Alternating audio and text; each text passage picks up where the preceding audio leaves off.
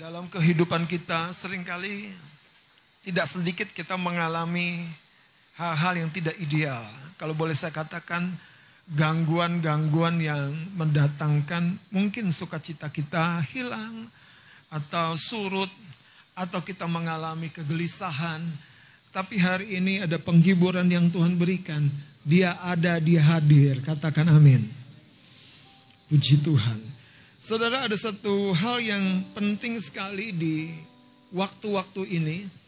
Ketika engkau sedang menjalani situasi yang tidak ideal, bahkan kadangkala jauh daripada harapan, biarlah kita belajar memiliki hati yang takluk kepada Tuhan. Karena bicara tentang bagaimana engkau dan saya bisa dituntun oleh Tuhan sebagai domba-dombanya. Itu bukan karena kaki kita lincah, bukan karena pandangan kita bisa melihat jauh ke depan dan mendapati padang rumput yang hijau, melihat ada sungai air yang tenang, tetapi sebaliknya mata kita tertuju kepada Dia untuk Dia yang mengarahkan kita. Amin. Maka Alkitab berkata, sungguh dia yang selalu ada akan membela kita di setiap kesempatan. Saudara, judul firman Tuhan pada pagi hari ini hati yang takluk. Berapa banyak kita tanpa kita sadari, sebetulnya kita suka dituntun oleh Tuhan. Suka mendengar perkataan-perkataan Tuhan, nubuatan, nasihat, janji Tuhan. Tapi tanpa kita sadari, di dalam hati kita telah terbangun sebuah mekanisme di mana kita tidak mudah percaya. Kita tidak mudah mengikuti sepenuhnya kehendak Tuhan. Nah jenis hati yang seperti ini sering kali saudara, yang membuat sepertinya kita telah menjadi manusia rohani, dengar-dengaran, tapi kita tidak mencapai sepenuhnya apa yang Tuhan janjikan.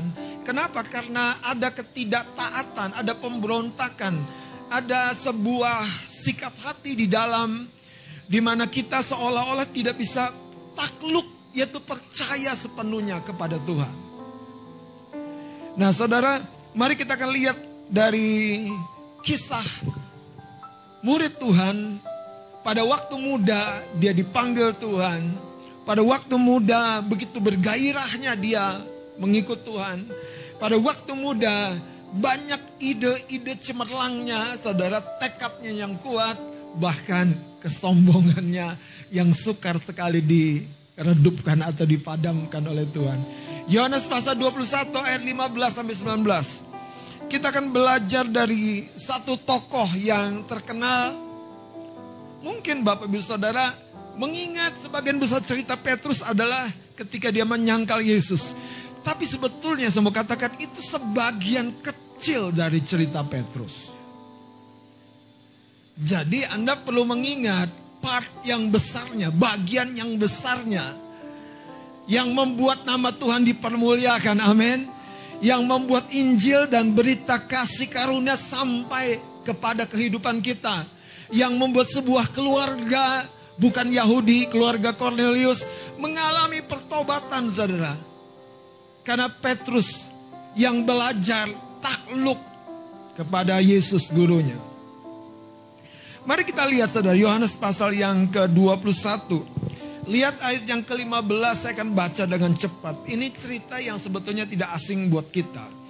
Tapi saya berdoa Roh Kudus akan memunculkan satu dua bagian dari cerita ini yang tepat dan menolong kita saudara dalam sikon yang sedang kita hadapi. Ayat 15. Gembalakanlah domba-dombaku. Sesudah sarapan Yesus berkata kepada Simon Petrus, Simon anak Yohanes, apakah engkau mengasihi aku lebih daripada mereka ini? Jawab Petrus kepadanya, benar Tuhan, engkau tahu bahwa aku mengasihi engkau. Kata Yesus kepadanya, gembalakanlah domba-dombaku. Kali yang kedua, Tuhan bertanya lagi. Pada ayat yang ke-17, pada kali yang ketiga, Tuhan bertanya yang sama, apakah engkau mengasihi aku? Nah, kalimat bagian B-nya ayat 17 berkata begini. Maka sedih hati Petrus karena Yesus berkata untuk ketiga kalinya, apakah engkau mengasihi aku?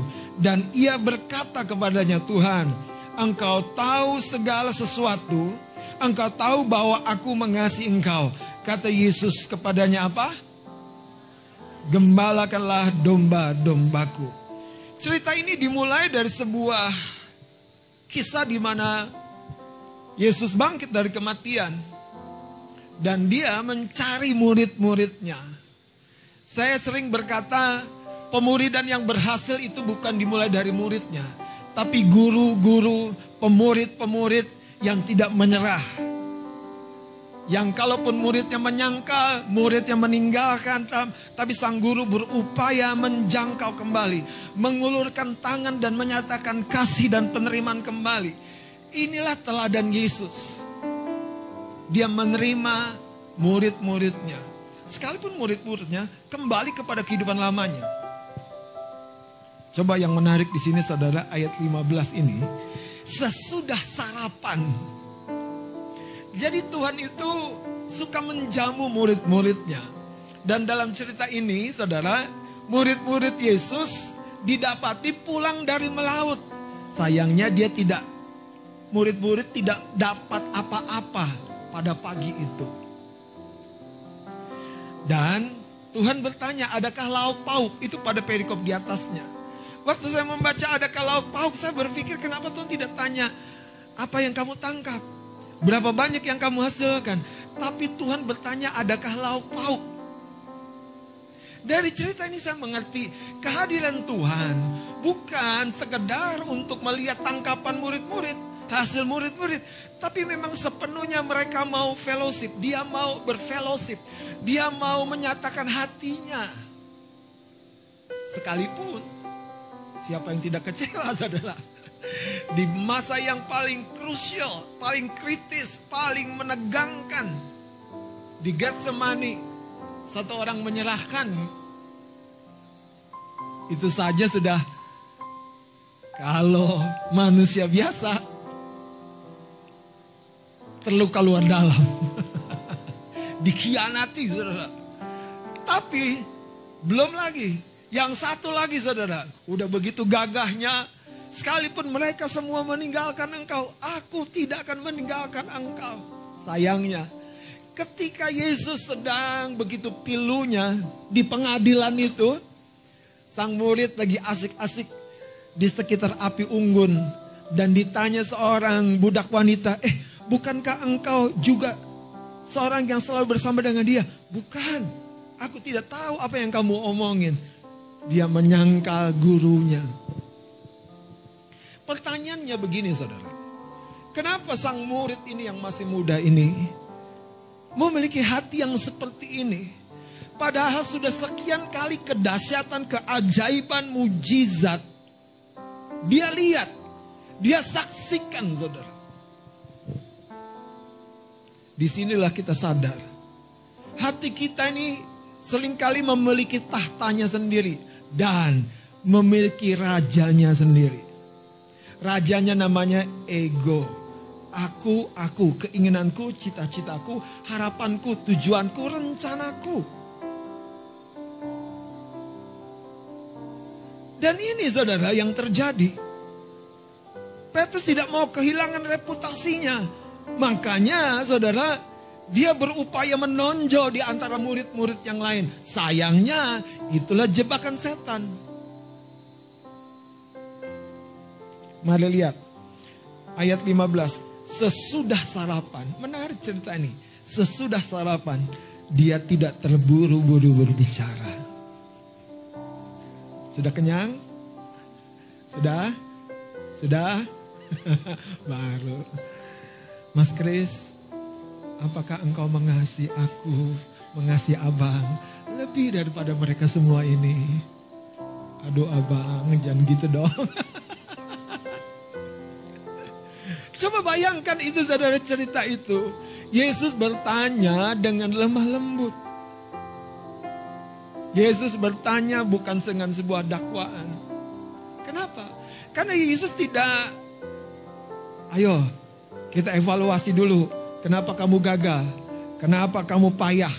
Kenapa kamu menyangkal? Kenapa kamu tidak kuat? Yesus enggak buat review, evaluasi. Ah, panitia Natal mah parah. Wah, semua muncul. Tapi Yesus hanya bilang begini, Petrus, apakah engkau mengasihi? Seringkali kadangkala kita tuh begitu, saudara. Tidak seperti guru kita. Datang, punya satu motivasi. Membangkitkan satu hati yang kehilangan rasa untuk mengikut Tuhan. Anda paham gak sih? Kalau orang udah nyangkal Tuhannya, nyangkal pemimpinnya, nyangkal maaf, gembalanya. Kehilangan rasa jadi jemaat. Kehilangan rasa kepada pemimpinnya. Sorry, di departemen ibadah. Aku nggak setuju dengan Kak, Adi, eh, Kak Ani begini, begini. Pokoknya menyangkal. Kehilangan rasa, saudara. Ini sebuah cerita yang real tentang hati manusia. Konflik di dalam, saudara. Tapi kalau saya membaca lagi dan lagi saya jumpai hati Yesus yang begitu lemah lembut. Dia teladan yang sempurna yang selalu kita perlu hayati bagaimana penerimaannya kepada murid-muridnya itu. Dan dalam cerita ini saya melihat saudara menarik. Menariknya adalah begini. Yesus bertanya tiga kali, apakah engkau mengasihi aku? mengasihi aku. Dalam catatan kitab Yohanes terjemahan baru, memang dipakai begini, lihat jawaban Petrus saudara. Ayat 15 bagian B-nya, jawab Petrus kepadanya, Benar Tuhan, engkau tahu bahwa aku mengasihi engkau sampai tiga kali. Terus lihat ayat yang ke-17. Ini yang penting. Kata Yesus kepadanya untuk ketiga kalinya, Simon anak Yohanes, apakah engkau mengasihi aku? Maka sedih hati Petrus karena Yesus berkata untuk ketiga kalinya, apakah engkau mengasihi aku? Dan ia, maksudnya Petrus berkata, nah dalam terjemahan lamanya itu digunakan kata yang berbeda, sembah Petrus. Saudara, anda tahu kalau hamba datang kepada tuannya itu tidak ditulis kata si kepada tuannya. Ada sikap penghormatan yang begitu dalam yang dituangkan dalam catatan ini sebetulnya. Sembah Petrusnya. Ini coba lihat saudara ayat 17-nya. Tuhan, segala sesuatu ada dalam pengetahuanmu. Tidak ada satu kisah ceritaku masa lalu, sekarang, dan masa depan tidak di dalam pengetahuanmu. Engkau sempurna dalam pengetahuanmu, dalam hikmatmu. Engkau tahu yang sudah, yang sedang, dan yang akan terjadi. Ini saudara yang sebetulnya akan membuat engkau melihat hidupmu tidak pernah akan menjadi stuck berhenti pada satu titik sekalipun engkau mengalami sebuah kejatuhan, kelemahan yang seperti Petrus menyangkal gurunya. Ketika Petrus berkata begini, Tuhan, segala sesuatu ada dalam pengetahuanmu. Pahamkah hari ini apa cita-citamu, apa mimpimu? dan apa tantangan-tantangan dan kelemahan-kelemahan dalam hidupmu. Segala sesuatu ada dalam pengetahuanmu. Tidak ada yang rahasia. Siapa yang akan kau jumpai sebentar pulang? Siapa yang akan kau jumpai besok minggu? Siapa yang akan bermasalah dengan engkau? Segala sesuatu ada dalam pengetahuanmu. Itu artinya saudara, kalau kita dapat bekerja sama dengan satu pribadi yang segala sesuatu ada dalam pengetahuannya, betapa berbahagianya.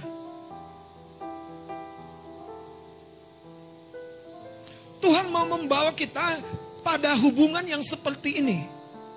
Bahkan begini saudara, sakit yang terkronis sekalipun, engkau akan berkata gini, My Lord, you know everything. Kalau engkau sudah berkata begitu, itu artinya saudara bukan menyerah, pasif. Anda menyerah dengan aktif. Anda menyerah dengan aktif. Anda berkata, Tuhan kau tahu segala satu. Tidak ada yang rahasia di hadapanmu. Waktu engkau berkata seperti itu, saudara, saya mau beritahu, anugerah selalu tersedia bagi orang yang bertelut di kaki Tuhan. Seringkali kita pakai kata sujud, berlutut dalam terjemahan bahasa Alkitab, kata bertelut itu punya makna yang berbeda. Di sinilah artinya kita sebelum bisa berlutut, kita perlu takluk saudara. Bertelut itu artinya membawa diri kita rendah di kaki kita, di lutut kita. Seperti seorang kalau sudah mengalahkan kita dan membawa kita di bawah kaki kita. Bahkan saudara, bahkan dalam cerita Yosua, mereka meletakkan kaki mereka di atas raja-raja yang ditaklukkan itu. Petrus gak suka seperti itu. Petrus merasa mampu. Petrus merasa dia bisa melihat ini tangga kesuksesan. Ini tangga pencapaian tujuan. Ini tangga keberhasilan. Tapi pertanyaannya, apakah kita tahu seperti yang Tuhan katakan, segala sesuatu ada dalam pengetahuanmu. Tahukah engkau bahwa ada musuh-musuh yang tidak engkau lihat, tidak engkau ketahui. Ada lobang-lobang dan jebakan-jebakan yang siap menjadi perangkap engkau. Sayangnya kita tidak tahu. Dia yang maha tahu berkata, ayo jalan bersama dengan aku Petrus. Ini perlu hati yang takluk saudara. Pengetahuan gak cukup. Penyembah-penyembah yang sejati Bukan sekedar kualitas suara, bukan kualitas saudara performance kita, tetapi selalu dimulai dari hati yang takluk, hati yang gak berdaya di hadapan yang maha kuat, yang maha mampu, yang maha bisa. Itulah yang dimiliki Abraham ketika Tuhan berkata Abraham, persembahkan satu-satunya hartamu. Saudara kalau duit, kalau ternak itu bukan harta lagi buat Abraham. Bukan saudara. Rumah bukan harta. Yang jadi harta buat Abraham Anda tahu? Namanya Ishak. Satu-satunya. Yang ganteng itu. Namanya Ishak. Dan Tuhan berkata Abraham persembahkan. Kalau Abraham tidak punya hati yang takluk, dia punya banyak konflik di pikiran dia. Dia punya banyak ide Tuhan. Boleh nggak besok aja? Nanti ya tunggu dia sudah gede. Aku serahkan dia kepadamu. Kita punya banyak beragam ide-ide itu. Betul nggak? Kita selalu punya excuse. Tuhan, jangan nanti dia melayanimu. Nanti, nanti. Jangan sekarang dia melayanimu. Nanti Tuhan, kalau aku udah kerja, Tuhan nanti deh melayanimu. Nanti kalau aku udah sempurna, tidak ada catat dan noda-nodanya. Haleluya. Tuhan, aduh bayar perpuluhan lagi. Beban banget ya Tuhan, beban. Tuhan bilang anakku, hatimu saja. Semua itu masalah hati. Masalah hati. Di mana hartamu berada,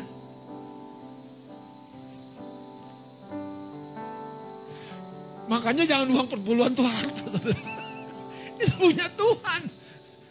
Meremata kita harus, itu punya Tuhan. Di sini harus taruh. Itu punya Tuhan. Anda tahu? Di situlah sebetulnya hati yang takluk itu akan mengalami kemurahan Tuhan. Karena tidak mudah untuk melakukan firman Tuhan dengan hati yang selalu punya pengertiannya sendiri. Kitab Amsal berkata apa? Percayalah kepada Tuhan. Dan jangan andalkan apa? Pikiranmu sendiri. Engkau cerdas, engkau mampu. Tapi jangan andalkan. Saudara, ketika Petrus berjumpa dengan gurunya itu yang akhirnya, dengerin, akhirnya itu dia dia akui. Segala sesuatu ada dalam pengetahuanmu. Sebelumnya dia enggak. Aku enggak akan menyangkal. Tidak. Tidak akan terjadi. Sekali-kali tidak. Sekali merdeka. Ternyata yang menjajah itu ego kita sendiri saudara. Petrus itu saudara tipikal apa namanya jemaat militan. Siap bang? Siap tak? Siap. Siap. Penata ruang hari satu. Siap. Siap. Itu baik, saya senang, saya bersuka cita dan itu benar di hadapan Tuhan. Tapi satu yang tidak boleh kita lupakan, kita harus sadar. Kekuatan kita ini butuh ditopang justru dengan hati yang takluk kepada Tuhan. Apa yang saya maksud? Yesus nggak perlu melihat apa namanya peragaan kegagahannya Petrus. Mereka semua meninggalkan kau. Aku tidak. Nggak perlu saudara. Tapi kenapa? Ada orang tuh ya tergoda ingin ngomong aja. Ingin ngomong aja. Yang nggak perlu diomongin, diomongin. Kalau saya pada waktu, Pet, aku nggak nanya gitu, Pet. Pet, tenang, Pet. Cooling down, Pet. Anda tahu nggak sih? Pet tuh gini, bangkit gitu. Cooling down, Pet, cooling down. Gak usah diomongin. Gagah simpen aja. Bisa simpen aja. Nggak usah. Wah, aku bisa. Aku donatur sejati. aku Power Ranger. Haleluya. Speaker dua, kanan kiri. Aku angkat turun. Jangan saudara. Jangan. Kasihi anak istrimu di rumah. Mereka masih butuh engkau. Haleluya. Jangan. Anda tahu? Tuhan tuh nggak butuh peragaan apa ya kehebatan kita, saudara. Dia hanya butuh gini. Ya Tuhan. Ianya sambil nunduk lagi. Ya Tuhan. Ya Tuhan. Tahu Maria? Waktu ada berita mengejutkan dari Gabriel. Jadilah padaku seperti yang Tuhan mau. Sebab aku hamba itu penyembahan yang dalam sekali yang mengubahkan sejarah kehidupan manusia. Dan dilakukan bukan dengan peragaan di depan orang. Di tengah kesendiriannya, di tengah kegalauannya, di tengah kebuntuannya. Bayangin saudara, nanti ke mana kalau orang bilang? Nanti ke mana kata mertua? Resmi belum, udah gawat kamu. Ke mana, ke mana? Tapi yakinkan kalau Anda bersama dengan Tuhan padang gurun akan menjadi padang rumput. Iya saudara, iya.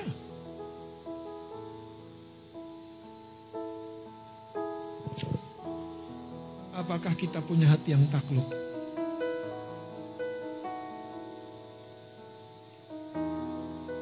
Sederhananya begini saudara. Hati yang takluk tuh gampang kelihatan. Anda nurut nggak dengan peraturan-peraturan sederhana?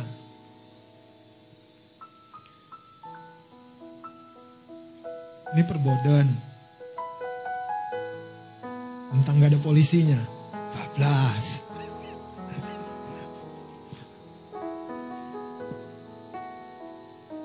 Kita udah di info. Kalaupun nggak bisa, kabari ya.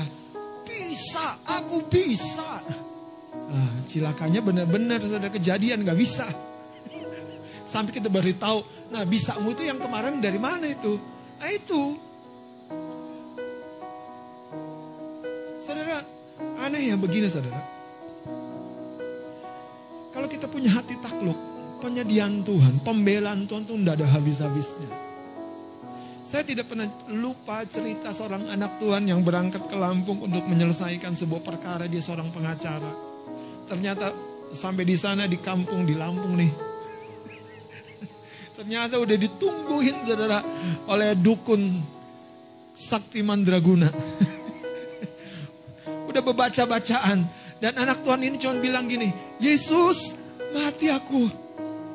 Anda tahu kalau orang udah kepepet? Untungnya ada banyak orang bilang mati aku tuh tapi tidak di depan Yesus. Kalau Anda berani bilang mati aku, bilangnya di depan Yesus. Yesus mati aku. Eh tiba-tiba Tuhan buka jalan, ada orang kirim berkat. Haleluya. Yesus mati aku. Kenapa? Udah jatuh tempo. Yang ini bilang, Yesus mati aku. Saudara dukun itu lebah sendiri. Anda tahu? Kenapa? Hati yang menyerah itu, itu yang membuat Tuhan sampai nggak enak. Dia mau binasakan Sodom dan Gomora. Dia nggak enak gak bilang sama Abraham. Hati yang menyerah itu menarik sekali saudara. Itu menggugah Tuhan. Menggugah Tuhan. Hati yang takluk itu menyerah. Menggugah Tuhan. Makanya rahasianya Daud sebetulnya bukan sekedar dia hebat memuji menyembah Tuhan. Dengerin saya. Bukan sekedar dia ahli musik. Tapi dia punya hati yang takluk. Makanya dia tulis. Tuhan adalah gembalaku. Takkan kekurangan aku. Ia membimbing aku ke air yang tenang. Dia bukan tulis begini. Aku tahu air yang tenang. Dia bilang ini, dia membimbing aku ke padang rumput yang hijau. Saudara, berkat itu buat domba itu jadi jadi apa tempat pembaringan. Dia membaringkan aku ke padang rumput yang hijau. Enak enggak? Enak kan? Uh, enak saudara. Tapi masalahnya mau enggak Anda dibaringkan Tuhan? Anda tahu kalau namanya dibaringkan? Hah? Si Timi itu gimana kalau dibaringkan? Kalau berontak-berontak terus nggak bisa saudara. Seorang kecebur di laut. Tolong, tolong. Mesti digebegap, begap, begap, begap, begap. Lemparin ban. Tolong, tolong lemparin pelampung, tolong, tolong. Sampai seorang terjun ke bawah, masih tolong, tolong. Akhirnya apa? Dihajar, saudara, dipukul. Keluar jurus karatenya, plak aja kan. Kalau udah menyerah gampang, gampang digeret. gampang digeret ke. Hidup kita, jangan sampai Tuhan keluarkan saudara jurus karatenya itu. Karena tegar tengkuknya kita. Haleluya.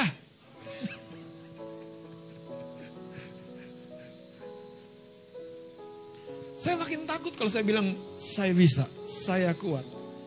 Karena Tuhan saya bisa. Karena Yesus saya mampu. Karena kemurahannya saya ditolong.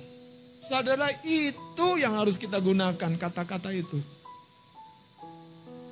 Anda tahu, setan tuh dia berupaya sudah mencium aroma sedap-sedapan dari yang namanya kesombongan, keangkuhan. Ketika Petrus mengeluarkan kata-kata yang sebetulnya nggak perlu dikeluarkan, sayangnya orang sombong tuh nggak tahu dia sombong. Coba tengok kanan kirinya. sayangnya orang sombong tuh nggak tahu dia sombong, saudara. Sama seperti kanak-kanak, kanak-kanak dia tuh nggak tahu dia tuh childish. Makanya Anda jangan ngomel sama anak-anak bilang, kamu childish sekali. Anda apa? It's me, dia paling bilang begitu. Itu aku. Bayangkan orang sombong, dia nggak tahu. Sampai guru, guru, guru, guru. Anda kalau punya guru udah ngomong, please. Dengerin. Udah ngomong, tegas. Udah ngomong jelas. Diulangi lagi. Ayam gak akan berkokok. Ininya macet. Sebelum kamu menyangka.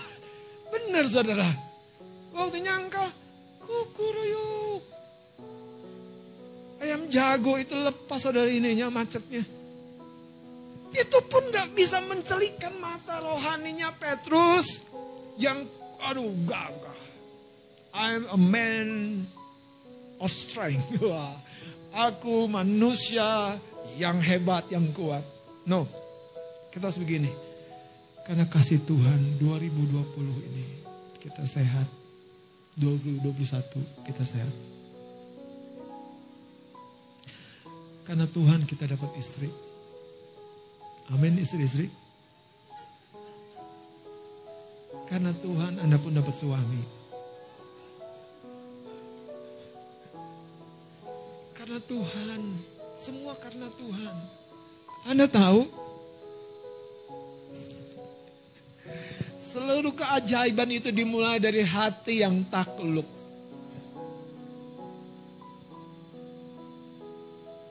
Makanya dalam cerita di sini di ayat 17, sembah Petrus. Itu ungkapan seorang yang sadar ternyata dia sedang berhadapan dengan satu pribadi yang namanya segala sesuatu dalam pengetahuanmu. Tegak berdirinya aku, engkau tahu. Ada tidak uang di dompetku, di rekeningku, engkau tahu. Silap matanya aku lupa bayar utang, engkau tahu.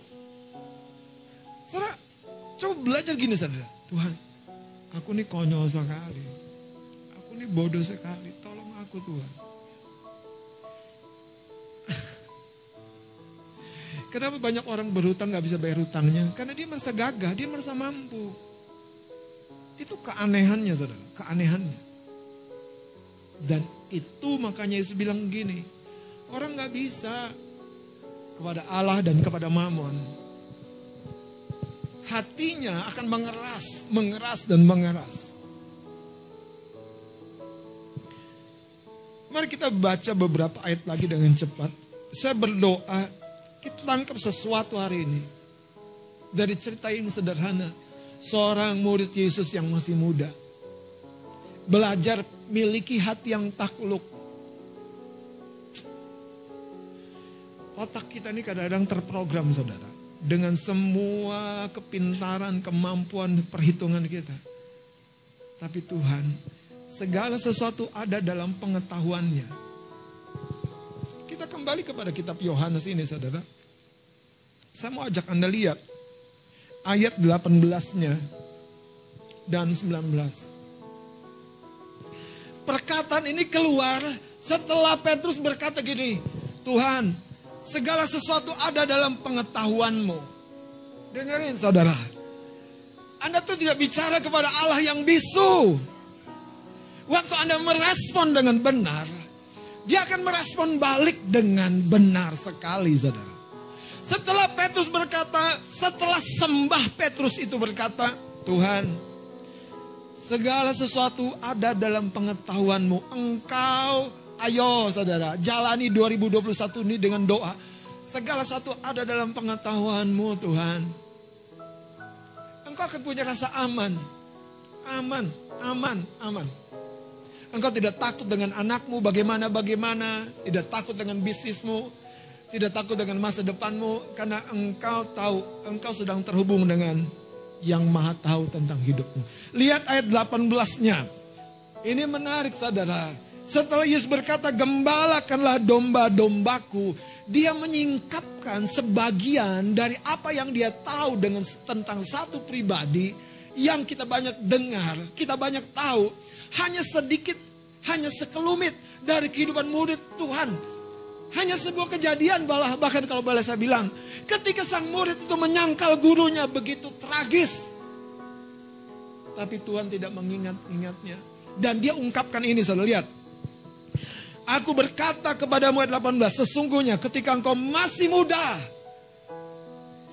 engkau mengikat pinggangmu sendiri dan kau berjalan ke mana saja kau kendaki. Kau kendaki keinginan diri, cita-cita dan rencana yang mulia dalam takaran manusia. Terus dikatakan apa?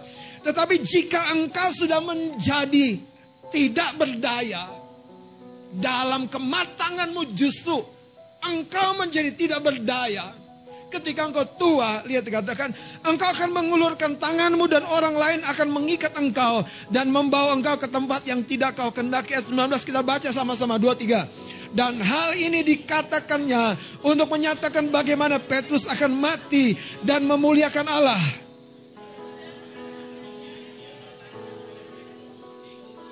Saudara, inilah destinasi hidup kita.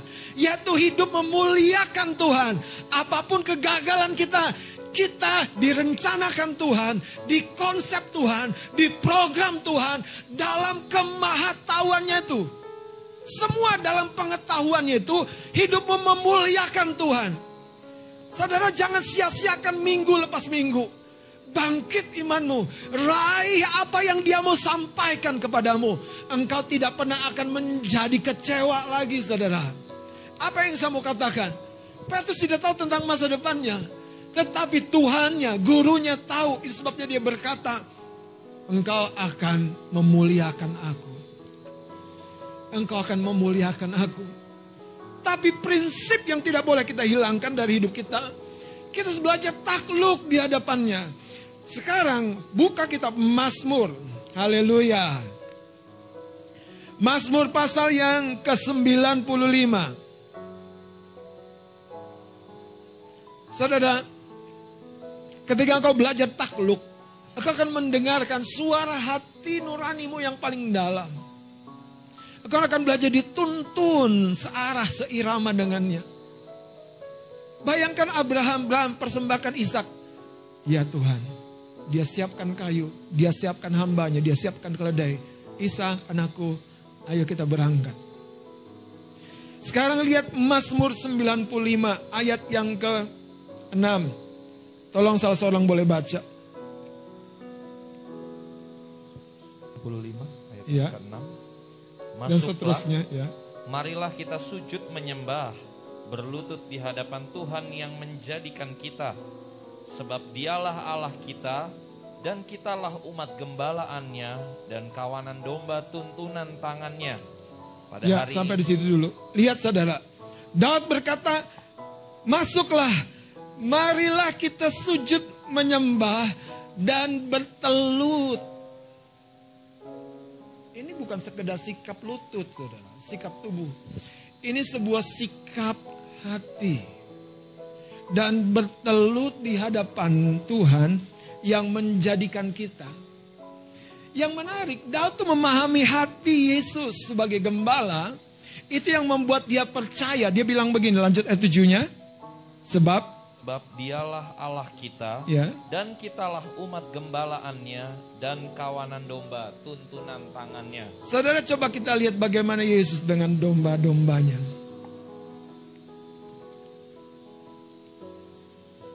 Kalau ada satu ekor domba kecil tersesat, dia tidak akan pernah biarkan domba yang tersesat itu jalan sendiri lagi. Sayangnya kita kadang-kadang kalau diingetin, diarahin, susah mau digendong. mau jalan lagi sendirian. Izinkan hari ini dia menggendongmu dan membaringkan engkau di padang rumput yang hijau. Saudara tahu, matanya akan tertuju kepada engkau, kepada domba. Karena dia tahu, saudara, bagaimana sang domba yang lemah ini sedang tidak aman. Bapak Ibu, kalau engkau tahu hidupmu tidak aman, lihat Daud, masuklah marilah kita sujud menyembah dan bertelut di hadapan Tuhan. Artinya apa? Takluk. Tuhan ngomong dong. Tuhan arahin aku Tuhan. Tuhan ingetin aku. Tuhan jaga aku. Jangan aku sekedar mengejar apa yang menurut aku baik. Dia berkata begini, sebab dialah Allah kita dan kitalah umat gembalannya dan kawanan domba tuntunannya. Lihat saudara ayat yang berikutnya. 7b. Pada hari ini, Ya. kiranya kamu mendengar suaranya. Janganlah keraskan hatimu seperti di Meriba, Ya. seperti pada hari di masa di padang gurun. Pada waktu nenek moyangmu mencobai aku, menguji aku, padahal mereka melihat perbuatanku. Saudara keluaran pasal 17 ayat yang pertama mari kita lihat dengan cepat. Ini cerita tentang umat Tuhan ketika mereka tidak memiliki air, krisis. Saya mau dorong Anda pahami yang namanya krisis. Pahami yang namanya ketidaknyamanan. Pahami yang namanya, aduh lagi nggak ada apa-apa nih. Saudara itu selalu menimbulkan godaan apa nih? Daging kita, ego kita menggerutu, marah, bertindak dengan cara yang lama atau kita bertelut di hadapan Tuhan. Tuhan, tolong aku. Lihat saudara, ayat yang kedua langsung. Keluaran 17 ayat yang kedua. Jadi mulailah mereka itu bertengkar dengan Musa. Padahal Musa diutus sebagai gembala mereka. Kata mereka berikanlah air kepada kami supaya kami dapat minum. Tetapi Musa berkata kepada mereka, Mengapakah kamu bertengkar dengan aku? Mengapakah kamu mencobai Tuhan? Ternyata saudara, inilah waktu-waktu di mana hati kita tuh sedang memilih. Kita mau tegar, kita mau tegar dengan jalan kita, dengan pemikiran kita, atau kita mau takluk dan menyerah kepada maunya Tuhan. Saya berdoa saudara hari ini kalau kita sedang mengalami krisis, apa pun bentuk dan jenisnya datang seperti Daud, bertelut di hadapannya. Dan di sana engkau akan berjumpa seperti Petrus berjumpa dengan gurunya. Engkau tahu segala sesuatu ada dalam pengetahuanmu. Satu hari seorang guru menyidak anak-anak murid SD. Karena ada sebuah jam tangan hilang dan semua anak-anak berdiri menghadap tembok. Dan ketika menghadap tembok itu, sesudah diperiksa di tasnya ada, diperiksa di kantong seluruh murid-murid itu. Siapa yang mencuri jam tangan ini? Kedapatanlah seorang anak dengan menunduk, dengan menutup mata. Dia begitu gentar, dia begitu takut. Dia sudah berpikir, aku pasti dipermalukan. Aku pasti kehilangan muka di hadapan semua teman-temanku. Alkisah, sang guru, tidak berbicara apa-apa, tidak memarahi anak ini. Dia mengambil jam itu dan beranjak dari tempat itu. Singkat hari, sudah begitu lama, sudah besar tumbuh saudara sang murid SD ini. Di satu acara berjumpalah dengan gurunya ini. Guru masih ingat nggak dengan aku? Aku muridmu. Aku yang dulu mencuri jam. Masa guru nggak ingat?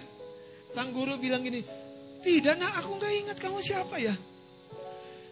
Aku guru yang di kelas itu pada waktu itu bikin semua tidak tenang. Aku yang mencuri jam temanku itu. Terus saudara, saking ngototnya muridnya ini bertanya, kenapa guru nggak ingat? Sang guru mulai bercerita, anakku tahukah engkau? Pada waktu aku berkata kepada semua murid-murid untuk berdiri dan aku memeriksa kantong kalian satu persatu. Aku memeriksanya dengan mataku tertutup. Sampai hari ini sesungguhnya aku tidak tahu bahwa engkau yang mencuri itu. Tuhan tuh melupakan pelanggaran kita. Dia tidak mengingat-ingat. Dia tidak mengingat wajah pendosa kita, saudara. Dia tidak mengingat wajah pemberontak kita. Makanya Daud bukan tidak parah kebodohannya, tapi dia diangkat Tuhan. Karena dia berkata begini, lebih baik kita jatuh ke dalam tangan Tuhan. Anda tahu artinya apa? Tuhan aku bersedia didisiplin. Hati yang remuk ini rahasianya. Petrus mendapatinya dengan mahal. Ketika semua kesombongannya dikuliti keadaan saudara. Bukan Yesus yang menguliti keadaan. Makanya dengerin saya. Kalau kejadian-kejadian buruk menimpa akibat pelanggaran dosa kita itu bukan Tuhan. Tidak pernah Tuhan tuh kita berdosa dan dihukum langsung. Enggak saudara. Dia selalu memberi kesempatan sekali lagi, sekali lagi, dan lagi untuk bertobat, berubah, dan berbalik. Ada amin? Mari kita bangkit berdiri.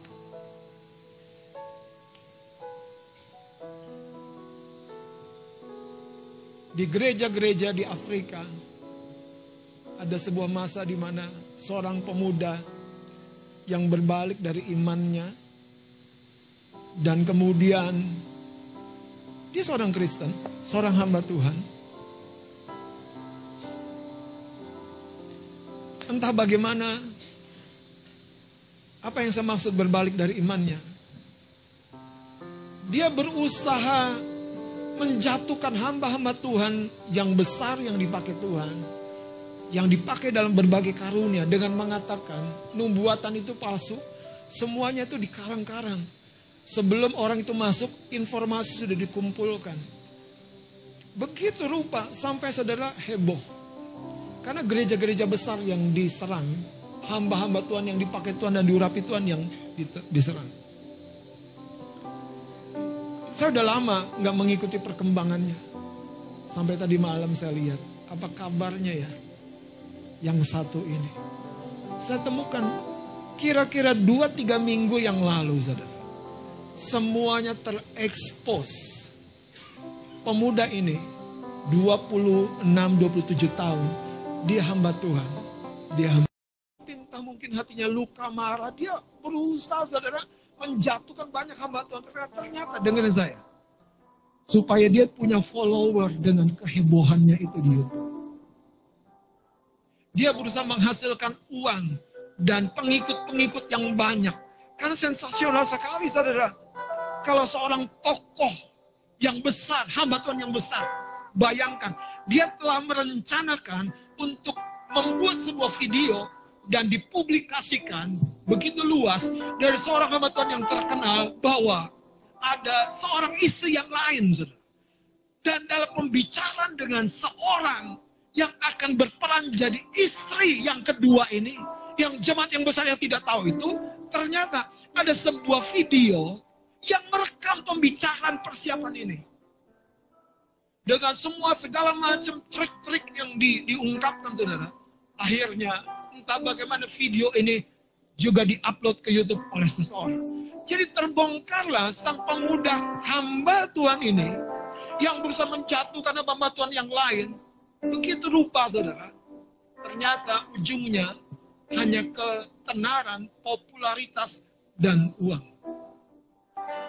Ada seorang hamba Tuhan yang direncanakan akan dibikin gosip yang yang viral, yang heboh ini Kan dicuplik saudara. Dia bilang begini, itu ungkapan yang saya bilang.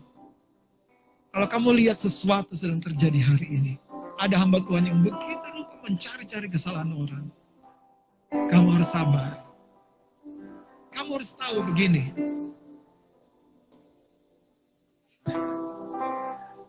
Waktu Samuel lima tahun, dia tendang kaki saya. Apakah saya akan tendang dengan kaki saya? Anda paham nggak maksudnya? Kenapa kalau Tuhan melihat engkau parah, kau gagal, kau berdosa, dia nggak hajar. Kenapa? Karena dia tahu kau masih kanak-kanak, kau masih muda. Kenapa Petrus? Maka dia bilang, kalau kamu sudah tua, Yesus lihat Petrus, kamu masih muda. Dia nggak perlu mengumbar kemarahannya dan memang itu tidak ada di hatinya Yesus.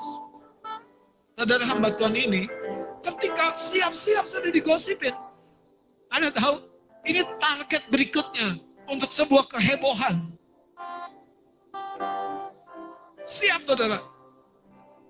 Di situlah Tuhan tuh beracara secara menarik sekali. Hamba Tuhan ini bilang begini, kalau kamu mengalami sesuatu yang tidak nyaman, kamu harus belajar takut, tenang. Kamu gak perlu gelisah dan merespon, merespon, menjelaskan, menjelaskan, berargumentasi dan ujungnya Anda kehabisan tenaga. Tapi ketika engkau seperti Daud, mari kita sujud dan bertelut di hadapannya sang pembela yang tidak pernah tertidur, apalagi terlelap, tidak tertidur aja saudara. Itu dia tahu seluruh kisah hidupmu. Kalau hari ini ada dalam pergumulan keuangan, pergumulan apa pun, ingat saudara, miliki hati yang takluk. Dan hati yang takluk itu, saudara, sebuah sikap hati. Jadi bukan sekedar lutut. Anda bisa, saudara, angkat tangan, tapi Anda sedang bertelut seperti. Anda tahu? Stefanus dilempari batu, dirajam. Dia menengadah dan melihat kemuliaan Tuhan di sorga. Dan tidak ada sakit hati kemarahan. Dia mengangkat wajah. Hari ini saudara, masa depanmu sama sekali tidak pernah absen dari perhitungan Tuhan. Dia tahu setiap hari di dalam hidupmu. Dia telah men-setting dan mengaturnya untuk kebaikan dan kesuksesan hidupmu. Satu saja, bersediakah kau jadi domba yang takluk? Bersediakah kau dibimbing, digendongnya? Jangan merasa gagah. Sederhana sekali kuncinya. Menyerah. Masalahmu bukan masalahmu lagi. Karena sekarang kau ada dalam gendongannya. Kita angkat lagu ini.